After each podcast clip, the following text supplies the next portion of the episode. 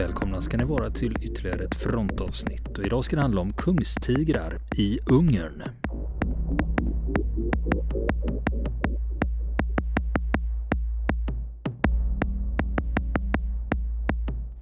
Har du Niklas, eh, kungstigrar i Ungern Ja. om det här. Precis. Eh, jag kan ju redan nu säga eh, att eh, det var, vi fick, har fått en hel del glada hejarop. Att det är många som tycker det är superintressant. Ja, ja visst alltså. Vem tycker inte kungstigrar är intressant? Som sagt, de, de kanske finns också. Men, men visst är det så. Ja, det är roligt att höra i alla fall att, att det är uppskattat. Ja, Ehm. och sist, du pratade om flera mindre orter i Ungern, i Ja. östra Ungern. Precis. Och som jag, som jag sa, jag utlovade en ren namnmassaker gjorde jag. Eh, så att eh, det, det är ju, det ungerska är ju inte riktigt som andra språk, om man säger så. Det är inte så lätt. Är det ju inte. Och uttalas inte riktigt som det stavas, eller som man tycker det borde låta. Nej, Eh. Det är lurigt. Det tillhör ju finsk-ugriska gruppen. Det är väl typ finska, estniska och ungerska som eh, hö- hör hemma där. Mm, just det. Precis. Och eh, det handlar ju alltså om eh, kompanichef i en eh, tung pansarbataljon med kungstigrar då, Heinrich von Rosen. Ehm, och eh, de har ju inlett sitt anfall mot, eh, de, eh, mot Röda arméns ställningar. De väntade sig att möta ryska trupper men mötte till sin överraskning rumänska trupper istället, vilket visade sig vara lättare att eh, bryta deras motstånd än om de hade, var, hade mött stridsvana ryska trupper. Ehm, och ehm, när vi lämnade dem i förra avsnittet, då hade man ju gjort halt utanför en, en stad som heter Messytyr eh, för tankning och laddning. Fylla på alltså igen, både tankar och ammunitionsförråd. Och under tiden man gör detta då så har man upprättat ett igelkortförsvar med stridsvagnar och man placerar trossen innanför ringen, så att säga, av stridsvagnar. Ehm, och under tiden så hade den här närbelägna staden då eh, rensats eh, av andra tyska styrkor, nämligen trupper ur 24 pansardivisionen. Alltså den pansardivision som man var som, som pansarbataljonen tillfälligt stred tillsammans med och eh, vars anfall man hade gått i spetsen för. Och det här var en ganska stor stad då och eh, det, de hörde på avstånd hur strider utkämpades på olika platser i staden. Och när mörkret föll så uppstod också utefter fronten stridskontakt med ryska förband som hade lastats av från tåget på en öppen sträcka utanför staden och som direkt gav sig in i striden för att stoppa det tyska anfallet.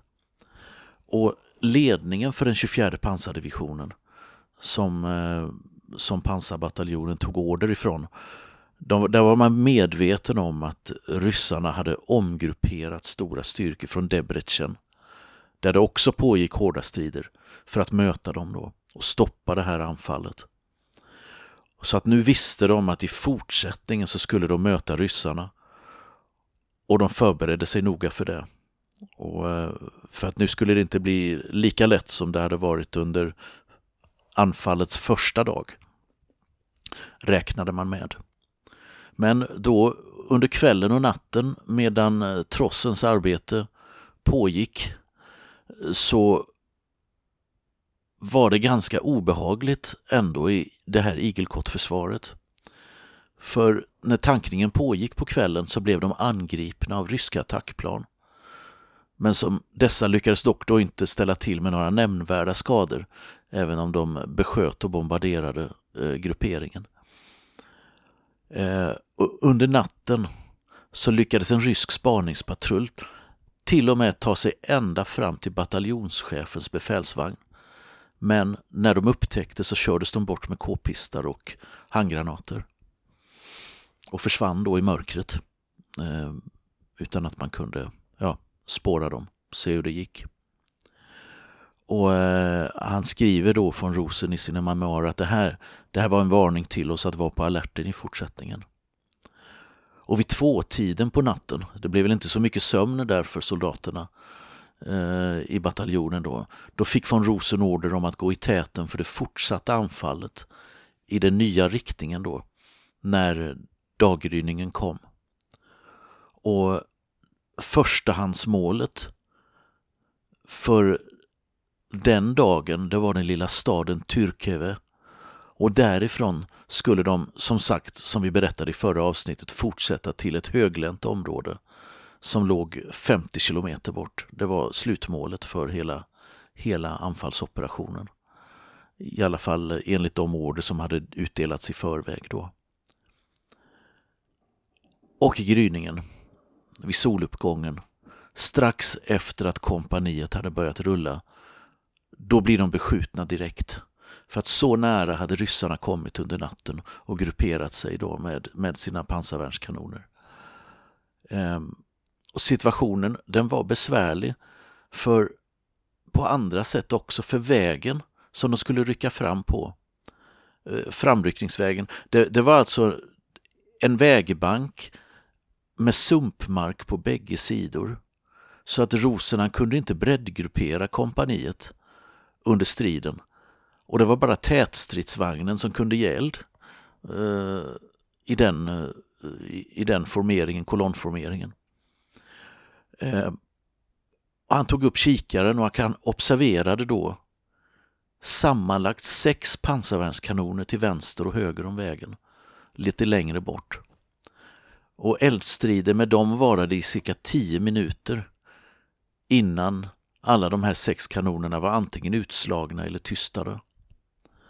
Men ryssarna de hade stridit hårdnackat under hela den här striden. De hade utnyttjat kamouflage, de hade grupperat sina pjäser väl och de hade uppehållit en välriktad eld mot tyskarna.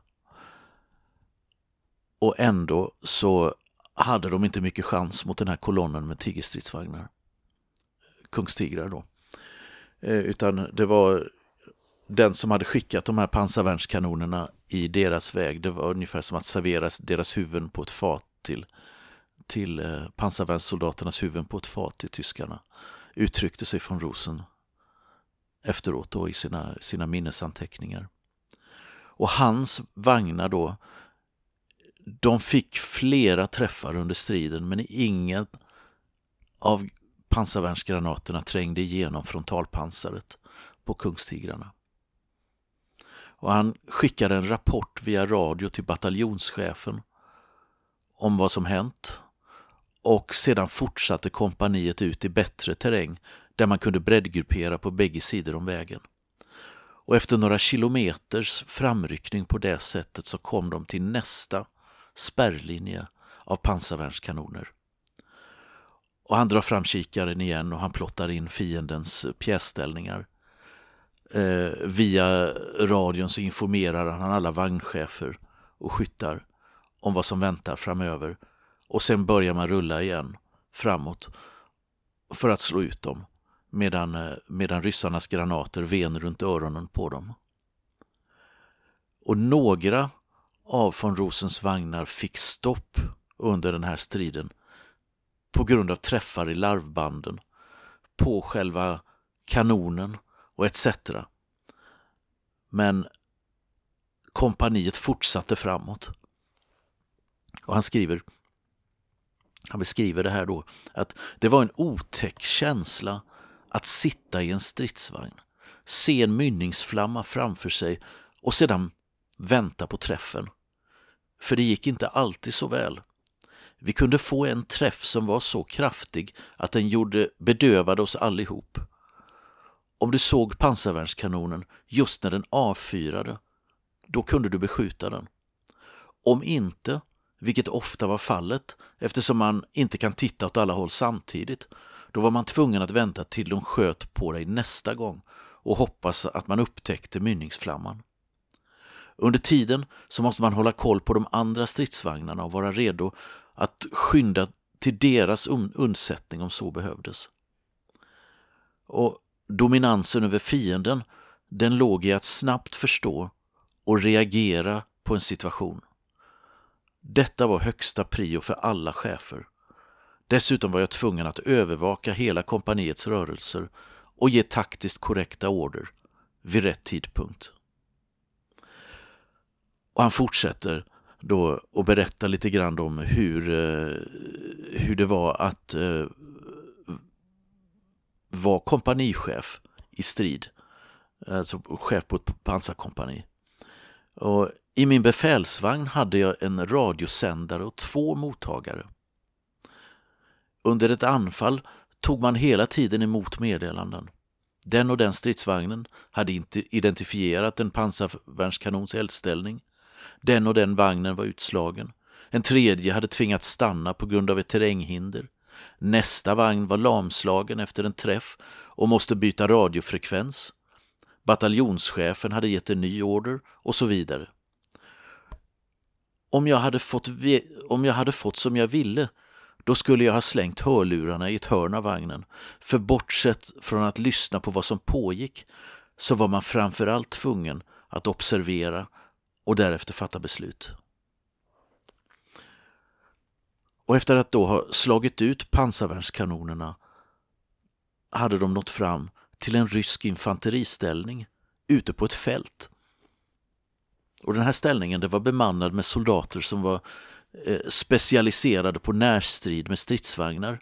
Jag frågar nu hur von Rosen kunde veta det, men eh, det är i alla fall så han skriver. Och att eh, de skulle hoppa upp på de tyska vagnarna med buntladdningar och andra sprängmedel. Och enda motmedlet mot de här, eh, den här typen av stridsmetoder det var att gasa på så mycket det gick. Och de upptäckte då att de hade ganska besvärlig stridsvagnsterräng framöver. Det var breda diken, det var häckar och skogspartier. Alltså bra terräng för en försvarare, men det orsakade stora förseningar för anfallaren.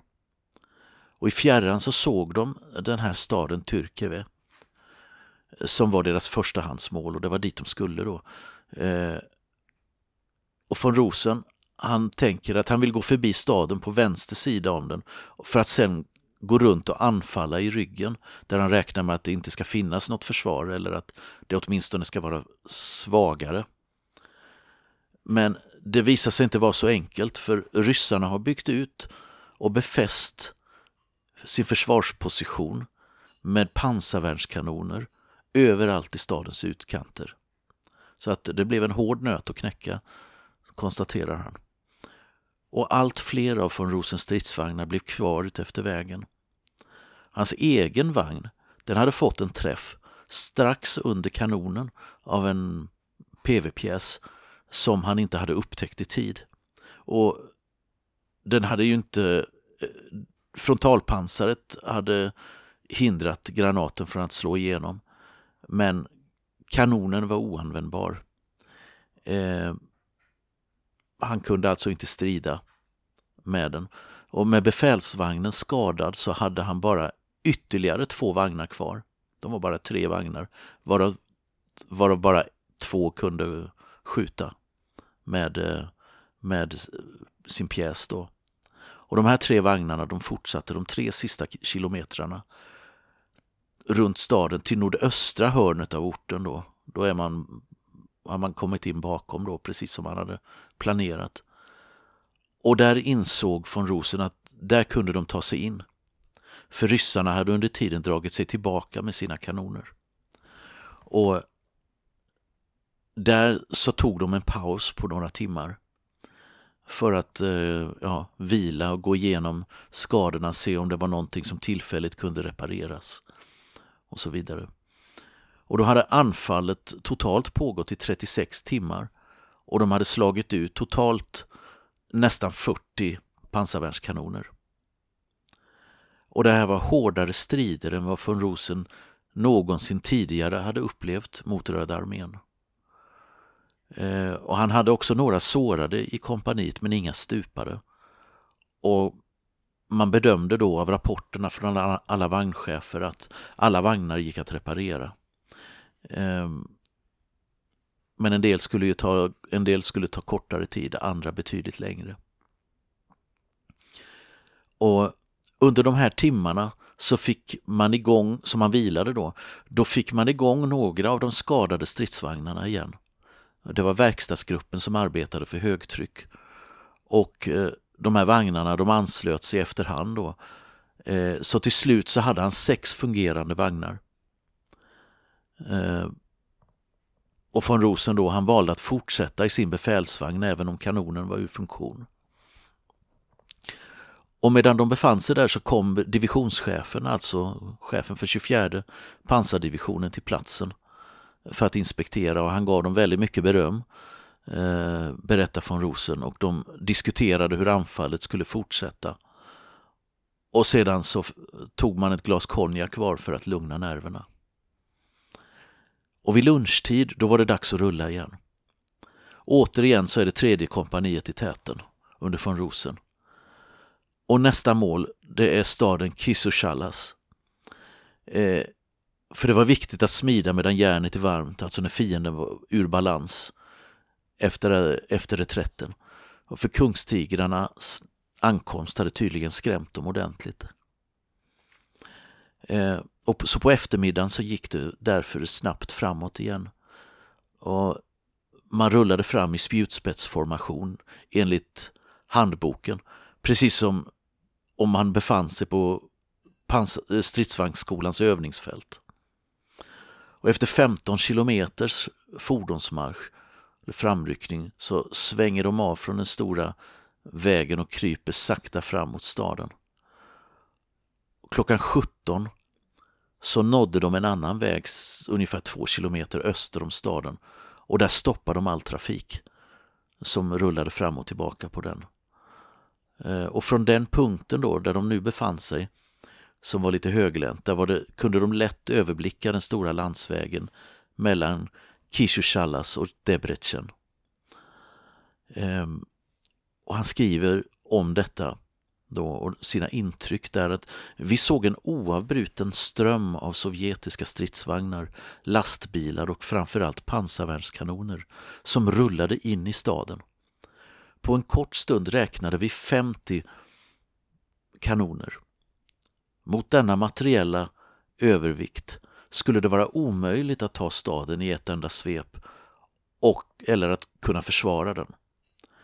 Och vi bildade ett igelkottförsvar och förnödenheterna kom fram under natten utan större problem. Och spaningspatruller som skickats ut rapporterade att fientliga stridsvagnsförstärkningar befann sig i nordöst. Och nästa morgon då, det är den 21 oktober 1944, då fick eh, eh, stridsgruppen order att ta, dra sig tillbaka istället till Tyrkeve på grund av att eh, man bedömde då att det gick inte att komma fram längre på grund av de stora ryska förstärkningarna som hade kommit till platsen och grupperat sig i deras väg. Och under tiden så hade ryssarna återerövrat den här staden Mesutyr där man hade befunnit sig ett par dygn tidigare. Eh, och den andra kompanichefen och kapten Fromme som ledde första kompaniet, han hade begett sig dit med sina kungstigrar och genast blivit involverad i hårda gatustrider. Och samtidigt så höll von Rosen då själv på att bärga sina icke funktionsdugliga stridsvagnar vid Tyrkeve, för de fick absolut inte falla i fiendens händer. Hans tross hade varit där föregående dag och hade lidit förluster när de blev attackerade av ryssarna som plötsligt hade dykt upp på, på platsen. Och som en följd av det överfallet på trossen och verkstadskompaniet så, så drabbades tredje kompaniet av sin första stupade i djungeln. Och dessutom så förlorade kompaniet en dragtraktor och en lastbil, vilket då eh, bedömdes som ett svårt avbräck. Eh, för det skulle göra all bärgning och transport av förnödenheter mycket svårare. Och så nu försökte han rädda vad som räddas kunde från de förstörda fordonen. Eh, och på eftermiddagen så kallades han till bataljonschefen som fortfarande befann sig då med första kompaniet i, i den pågående striden vid Messutur. Under den korta tid som ryssarna hade lyckats hålla staden besatt så hade de till och med hunnit gruppera en amerikansk eh, 7,6 centimeters pansarvärnskanon uppe i klocktornet på kyrkan. Och vad de nu skulle baxa upp den därför. Eh, och den bedömdes vara så kraftfull att den skulle kunna genomborra en kungstigers frontalpansar. Man ville i alla fall inte testa eh, om så var fallet. Men man hade skäl till oro eh, inom, inom bataljonen och inom von Rosens kompani. Och bataljonschefen i sin tur han redovisade nya planen. Och den är då att i skydd av mörkret så skulle hela stridsgruppen dra sig tillbaka till eh, nära den plats som man hade utgått ifrån när anfallet började från floden eh, Tisa då, och till en plats som heter Tyryk Sent Miklos. Och man hade då fått veta att det inte fanns några detaljer om fiendens styrka och att de stridsvagnar som ännu måste bärgas då, de måste boxeras hela vägen dit, dit man skulle. Så att det blev ju ganska komplicerat. Eh, men det var någonting som man var tvungen att göra helt enkelt. Så på grund av att de flesta fungerande kungstigrarna behövdes så skulle stridsgruppen, en stridsgrupp bestående av motorcykelburet infanteri ur 24 pansardivisionen nu gå i täten istället för stridsvagnarna då. Men kungstigrarna de skulle fortfarande rulla i den första tredjedelen av den långa kolonnen för att snabbt kunna sättas in om det blev stridskontakt. Eh, och det vill säga då efter att de hade kastat boxerlinorna till tigrarna som de boxerade då eh, i sin tur. Och eftersom det bara skulle vara möjligt att förflytta sig nattetid på grund av fiendens flyg så kunde man inte tillryggalägga en så lång sträcka i taget då och alla hoppades då att ryssarna skulle sova på nätterna. Men det var väl ett fåfängt hopp och I gryningen den 22 oktober så befann de sig cirka 15 kilometer från målet när orden kom. Alla gör halt. Och von Rosen han fortsatte ytterligare fem kilometer dock utan att möta något motstånd. Men tyska spaningspatruller som hade återvänt rapporterade om att stora fiendestyrkor befann sig på vänster flank. Och därmed dunstade hoppet då om att nå eh, målet utan att behöva strida.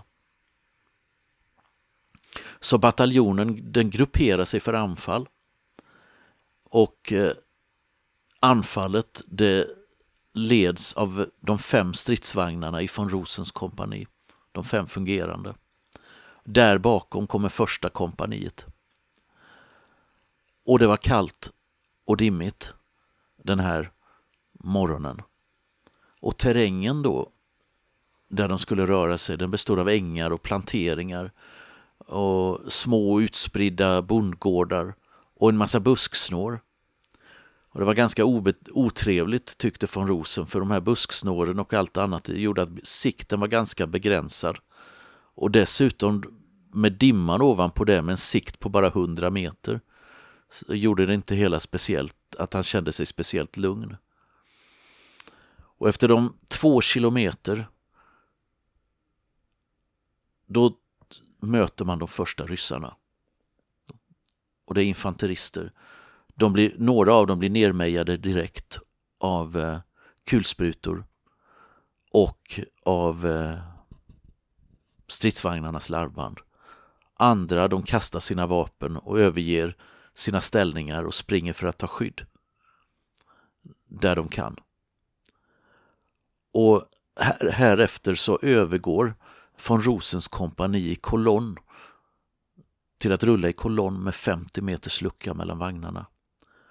Och plötsligt så ser han då framför sig i dimman en pans vad han uppfattar vara en pansarvärnskanon i en eldställning. Och i samma ögonblick som han upptäcker att kanonens mynning är riktad rakt åt hans håll så får hans vagn en fullträff i tornet som skakade om dem ordentligt inne i vagnen och bedövade dem en stund. Och de kunde ju inte besvara elden på grund av att kanonen var utslagen på grund av eh, träffen de hade fått i tornet tidigare. Men genast så kommer träff nummer två i drivhjulet på höger, främre drivhjul på höger sida. Och sedan ytterligare en träff i drivhjulet på vänster sida. Och nu är de helt försvarslösa och helt lamslagna. Och von Rosen han mindes det som att han bara väntade på granaten som skulle göra slut på dem. Och i den här situationen då inser plötsligt eh, vagnchefen i den närmaste vagnen bakom dem vad som hände och svänger upp vid sidan och förstör kanonen, den fientliga kanonen med ett enda skott. Och efteråt då när man inspekterar resterna av den så inser de att det här var ju inte en pansarvärnskanon. Det var en 10,5 centimeters haubits som skjutit rakt mot dem med ett öppet sikte. Ja, herregud. Mm. Eh, Det, det är ju rejäla grejer. Ja visst, precis. Så att frontalpansaret på, eh, på von Rosens vagn hade skadats av granaterna. Det hade gått hål, men granaten hade ändå inte trängt in och eh, ställt till med saker inne i vagnen. Men en bit hade alltså slitits bort. Eh, så att det var, eh, det var nära ögat. Och även de andra vagnarna i kompaniet utsattes för hård beskjutning av eh, pjäser av grövre kalibrar och flera vagnar blev skadade i striden då som följde på detta. Men ändå så bröt de det ryska motståndet. Men de kunde inte försvara det de hade vunnit utan det gällde att sätta sig i säkerhet. Eh, och nu var ju även von Rosens befälsvagn lamslagen så den måste boxeras bort av två andra stridsvagnar. Två andra kungstigrar fick ta hans vagn på släp. Och eh, på eftermiddagen så fick de slutligen kontakt med resten av bataljonen eh, i marschmålet då Tökersent Miklos. Och där träffar de också på von Rosens tredje pluton som inte alls har deltagit i anfallet. För de hade ju åkt vilse efter järnvägstransporten och hade dykt upp först nu igen och hittat rätt så att säga. Eh, och under tiden så hade de eh, under anfallet eh, Ja, de hade ju de hade inte deltagit i anfallet ifrån Rosens kompani men de hade, de hade tilldelats en annan stridsgrupp som hade anfallit åt ett annat håll under den här operationen. Och de hade drabbats av en smärtsam förlust för att plutonchefen i tredje plutonen, löjtnant Wagner, han hade blivit så svårt sårad att hans vänsterarm måste amputeras. Och han var borta från en värderad kollega då, en pålitlig underordnad som var utslagen för alltid ur, ur kriget. Ehm, så att det här tog, det, det tog von Rosen hårt, Eh, mindes han. Och den 22 oktober då så stod det klart för den tyska ledningen att det var meningslöst att fortsätta anfalla på grund av att situationen hade förändrats drastiskt på det här avsnittet av östfronten. Det tre dagar långa anfallet det hade inte ändrat resultatet i det stora slaget om Debrecen som föll i ryska händer den 21 oktober. Det hade bara försenat ryssarnas offensiv lite grann. Och von Rosens trasiga vagnar de boxerades tillbaka till verkstadskompaniet. Och där det, där det där de då skulle få göras i ordning då, hamna, göras till åter stridsdugligt skick. Och det var en ständig tävlan då att hålla, mellan förbandschefen om att hålla så många vagnar som möjligt funktionsdugliga. Så att eh, verkstadskillarna de fick jobba hårt för att, eh, för att eh, göra kompaniet och resten av bataljonen stridsduglig igen. Och under de följande dagarna så delades de fungerande vagnarna upp på mindre stridsgrupper med infanteri för att skydda broarna över floden Tisa och det lilla brohuvudet som man fortfarande höll där. Det brohuvudet då där man hade startat anfallet ifrån en gång. nu var man ju tillbaka på ruta ett igen. Och under tiden så hade höstregnen börjat på allvar och det var vatten överallt i vagnen, sa han, minns han, om det regnade en hel dag. För att även om en stridsvagn är stor och eh, verkar vara väldigt tät så är det inte, inte, är det inte alls fallet. För regnar det mycket, ja då blir det vatten inne i vagnen också. Och efter det här så tog alltså försvaret av Budapest vid som eh, vi får anledning att återkomma till senare. Vill ni komma i kontakt med oss så kan ni göra det via vår Facebook-sida som heter Fronten. Det är inga problem för er att leta er fram där. Eller också så mejlar ni på vår mejladress och det är frontenpodcast.gmail.com.